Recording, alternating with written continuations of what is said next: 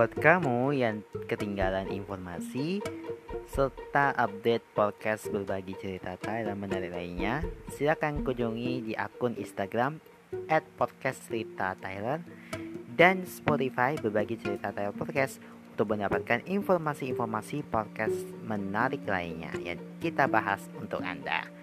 Jangan lupa juga untuk selalu follow akun Instagram at mata underscore baru underscore kindness dan Twitter at Demata Saputra untuk mendapatkan informasi mengenai program-program unggulan lainnya. Selamat mendengarkan.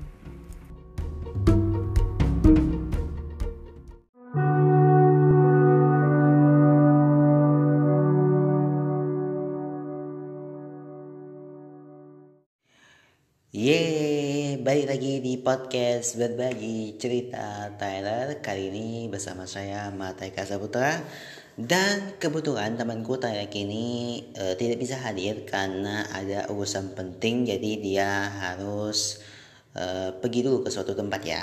Ya kayak liburan gitu ya. tapi walaupun aku tetap sendiri tapi kita tetap setia menemani kamu setiap hari Senin, Rabu dan Jumat di Spotify.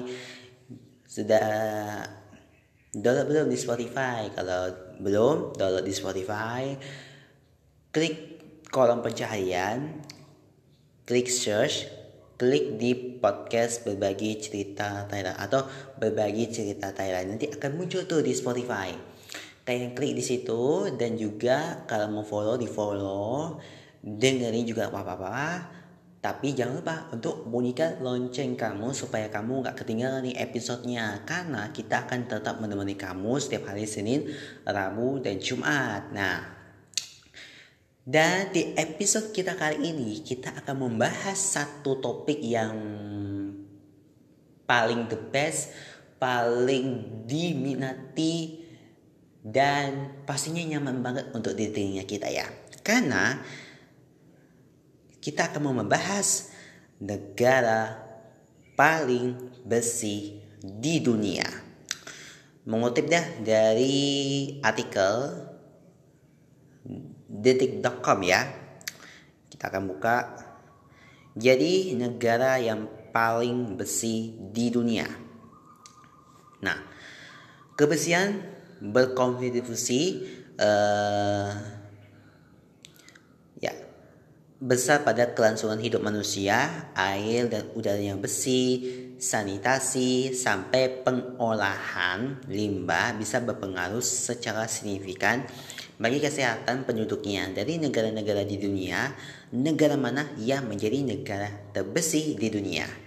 Jadi, peneliti dari Universitas Yale dan Columbia telah berkolaborasi dengan World Economic Forum untuk mengukur tingkat kebersihan dan ramah lingkungan di 180 negara dunia untuk menilai negara-negara yang ada mereka menciptakan indeks kinerja lingkungan atau Environmental Performance Index atau API. Indeks kinerja lingkungan mengukur 32 indikator di 11 kategori yang terkait dengan dua tujuan kebijakan menyeluruh vitalitas ekosistem dan kesehatan lingkungan. Kategori ini termasuk kualitas udara, air, dan sanitasi, keanekaragaman hayati dan habitat dan berkelanjutan. Nah, setelah skor ditabulasi, negara-negara diurutkan dari yang paling bersih hingga yang paling kotor. Dengan cara ini, negara dapat melihat nih seberapa efektifkah kebijakan lingkungan mereka dan seberapa dekat mereka untuk mencapai tujuan lingkungan mereka. Dari 180 negara yang diukur pada tahun 2021 lalu, ada 10 negara terbersih di dunia. Uniknya ini, negara-negara ini berasal dari satu benua yang sama yakni benua Eropa. Negara mana saja sih yang mendapat peringkat negara terbersih di dunia. Ini daftarnya ya dilansir dari situs World Population Review. Kita mulai dari urutan yang ke-10 deh. Urutan ke-10 ya. Ke-10 adalah Jerman. Jerman ini adalah negara terbersih ke-10 dan juga negara paling maju secara teknologi di dunia. Skor AVI Jerman adalah 77,2 dengan skor sempurna untuk sanitasi dan peringkat keempat untuk keanekaragaman hayati dan habitat. Nah, Jerman kini sedang merintis revolusi energi terbarukan. Salah satunya negara terbesar di dunia ini berusaha untuk meningkatkan keramahan lingkungannya melalui inisiatif hijau dan investasi dalam berkelanjutan. Urutan ke-9, Norwegia. Skor FBI Norwegia adalah 77,7, menjadikannya negara ke-9 terbesar di dunia. Norwegia ini memiliki skor 100 sempurna untuk sanitasi dan air minum serta skor kualitas udara 97,9, tertinggi kelima secara global. Norwegia ini menempati peringkat kedua di dunia dalam kesehatan lingkungan. Listrik Norwegia 97% bersifat energi terbarukan pada akhir tahun 2020 ya, pemerintah menargetkan penurunan emisi gas rumah kaca ini sebesar 30%. Urutan ke-8 ada Swedia. Skor ABI Swedia adalah 78,7. Negara ini adalah salah satu yang paling berfokus pada berkelanjutan di dunia. Dikenal secara dikenal karena emisi karbon dioksidanya yang rendah membuat ia menjadi negara dengan udara terbesi kedua di dunia.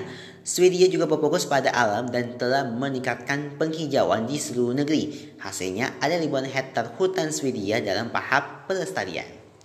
Yang ketujuh, ada Finlandia. Sekitar 35% energi Finlandia itu berasal dari sumber energi terbarukan. Finlandia ini menempati peringkat pertama di dunia dengan kesehatan untuk kesehatan lingkungan 99,3 dan kualitas udara 98,8 serta mencapai 100 sempurna untuk sanitasi dan air minum dan paparan logam berat. Negara ini juga mempolit apa namanya? prioritaskan konservasi konservasi hutan dan satwa liar. Lanjut ke peringkat 6 ada Austria. Dengan API 79,6, Austria ini adalah negara terbesar ke-6 di dunia. Australia Oke okay, sorry ya Australia ini menempati peringkat ketiga secara keseluruhan untuk pertanian dengan peraturan ketat untuk pestisida dan pupuk dan peringkat kelima ini untuk vitalitas ekosistem. Australia ini dikenal memiliki beberapa standar polusi udara, bahan kimia, dan pengolahan limbah paling ketat di Eropa. Sekitar 2 per 3 dari Austria ini ditutup hutan lebat dan padang rumput. Yang kelima ada Prancis.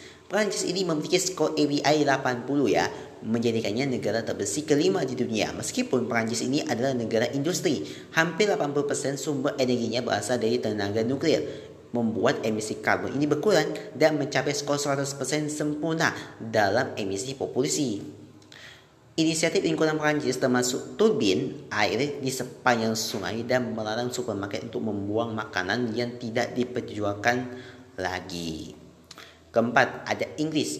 Inggris ini adalah negara terbesar keempat di dunia dengan skor ABI 81,3 dengan populasi 66,52 juta orang ini. Inggris ini bisa mempertahankan kebersihan dengan nilai sempurna untuk air minum, sanitasi, dan emisi polusi. Lanjut ke peringkat ketiga, ada Swiss.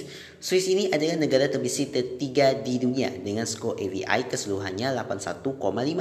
Swiss ini mendapatkan skor sangat tinggi untuk air minum 100 dan sanitasi 100 dan menyamai skor sempurna Denmark dalam indeks perlindungan spesies. Hal ini tidak menunjukkan loh sebab Swiss ini dikenal dengan air yang bersih dan swakwa liar yang melimpah. Masuk ke peringkat kedua ada Luxembourg. Luxembourg ini telah membuat kemajuan signifikan dalam mengurangi dampak negatif terhadap lingkungan. Skor keseluruhan Luxembourg adalah 82,3. Tetapi yang paling lebih mengesankan adalah skor dalam sanitasi, air minum, dan emisi polusi yang sama-sama hampir 100. Cuma ada air minum 97,7 sih. Nah, sebuah negara yang relatif kecil dengan kurang dari 600 ribu orang ini, negara ini adalah negara yang sebagian besar pedesaannya dengan hutan lebat dan taman alam yang luas. Dan inilah peringkat pertama adalah Denmark dengan skor dengan total skor MII 82,5. Jadi Denmark ini adalah negara terbersih dan paling ramah lingkungan di dunia, peringkat satu ya.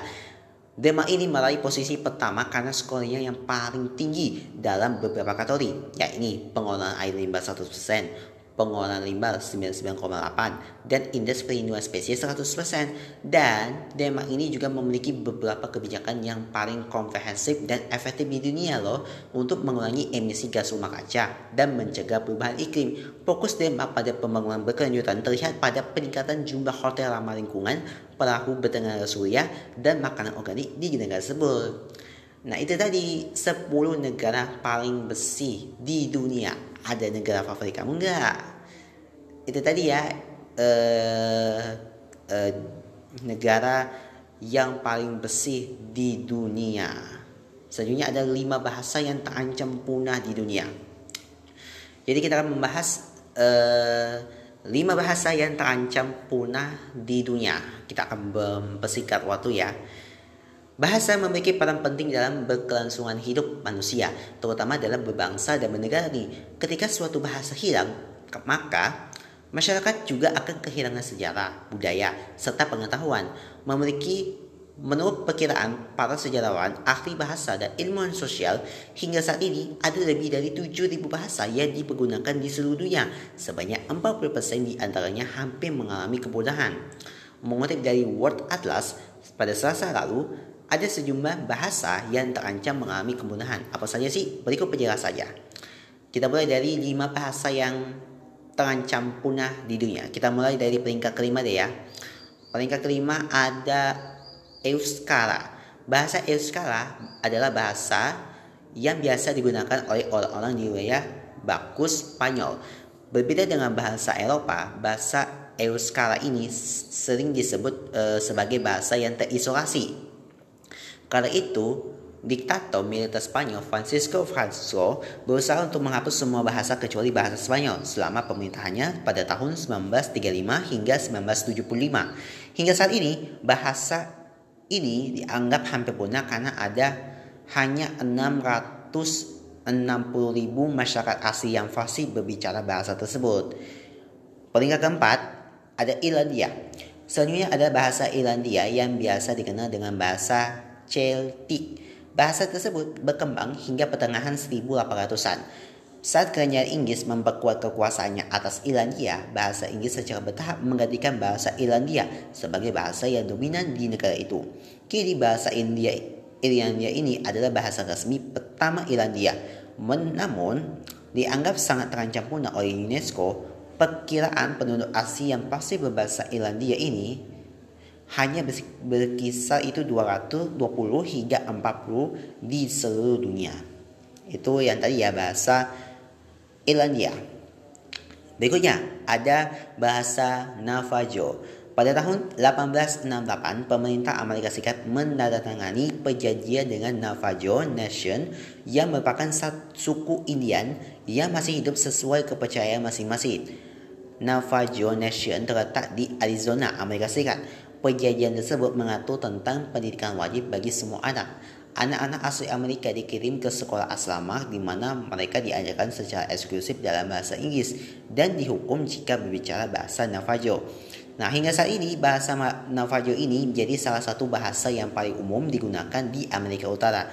Itu lebih dari 120 ribu orang berbicara bahasa Navajo dan dianggap rentang karena generasi muda lebih memilih berbicara bahasa Inggris daripada Navajo. Peringkat kedua ada Hawaii. Pulau Hawaii adalah satu-satunya negara bagian Amerika Serikat dengan dua bahasa yaitu bahasa Inggris dan bahasa Hawaii. Bahasa Hawaii sendiri mulai mengalami kepunahan pada akhir abad ke-18. Kala itu penyakit yang dibawa oleh kolonial Inggris membunuh ratusan ribu orang Hawaii akibat populasi penduduk Hawaii itu berkurang hampir 80%. Selain itu bahasa Hawaii juga mulai mengalami kemunduran ya ketika peristiwa pengangkapan penduduk Hawaii oleh pasukan AS pada tahun 1896. Jadi pemerintah Amerika Serikat memperlakukan larangan pembelajaran dan penggunaan bahasa di sekolah-sekolah dan bahasa Inggris dijadikan bahasa utamanya. 90 tahun kemudian pemerintah membatalkan larangan tersebut. Saat ini hanya tersisa sekitar 2000 penduduk asli yang terdapat menggunakan bahasa Hawaii. Bahasa tersebut dianggap terancam punah oleh The United Nations Education Species and Culture Organization atau UNESCO. Yang pertama adalah Belarusia. Bahasa Belarus atau bahasa Belarusia ini merupakan bahasa sebuah bahasa dalam rumpun Slavia, khususnya di Slavia Timur ya. Dulunya ini Belarusia ini merupakan bagian dari Uni Soviet. Meskipun Joseph Stalin kepada negara Uni Soviet tidak menetapkan atau tidak menerapkan larangan terhadap bahasa mereka tersebut, dia menolong adopsi bahasa Rusia ini di berbagai lembaga hingga sekolah resmi di seluruh Uni Soviet. Jadi bahasa Rusia ini dipandang sebagai simbol kesetiaan warga negara kepada Uni Soviet. Maka dari itu penggunaan bahasa Belarusia pun menurun, baik bahasa Rusia maupun Belarusia memiliki struktura dan gramatikal yang serupa. Saat ini bahasa Belarusia digunakan dalam tradisi kebudayaan dan cerita rakyat. Oke, itu tadi sejumlah bahasa di dunia yang terancam mengalami kepunahan. Semoga informasi di atas kami dapat menambah wawasan ya. Dan demikian juga episode kita kali ini dan jangan lupa untuk selalu follow akun Spotify dan bunyikan lonceng kamu supaya kamu gak ketinggalan. Follow juga akun sosial media kami di Twitter dan juga Instagram ya. Sampai jumpa lagi di episode berikutnya.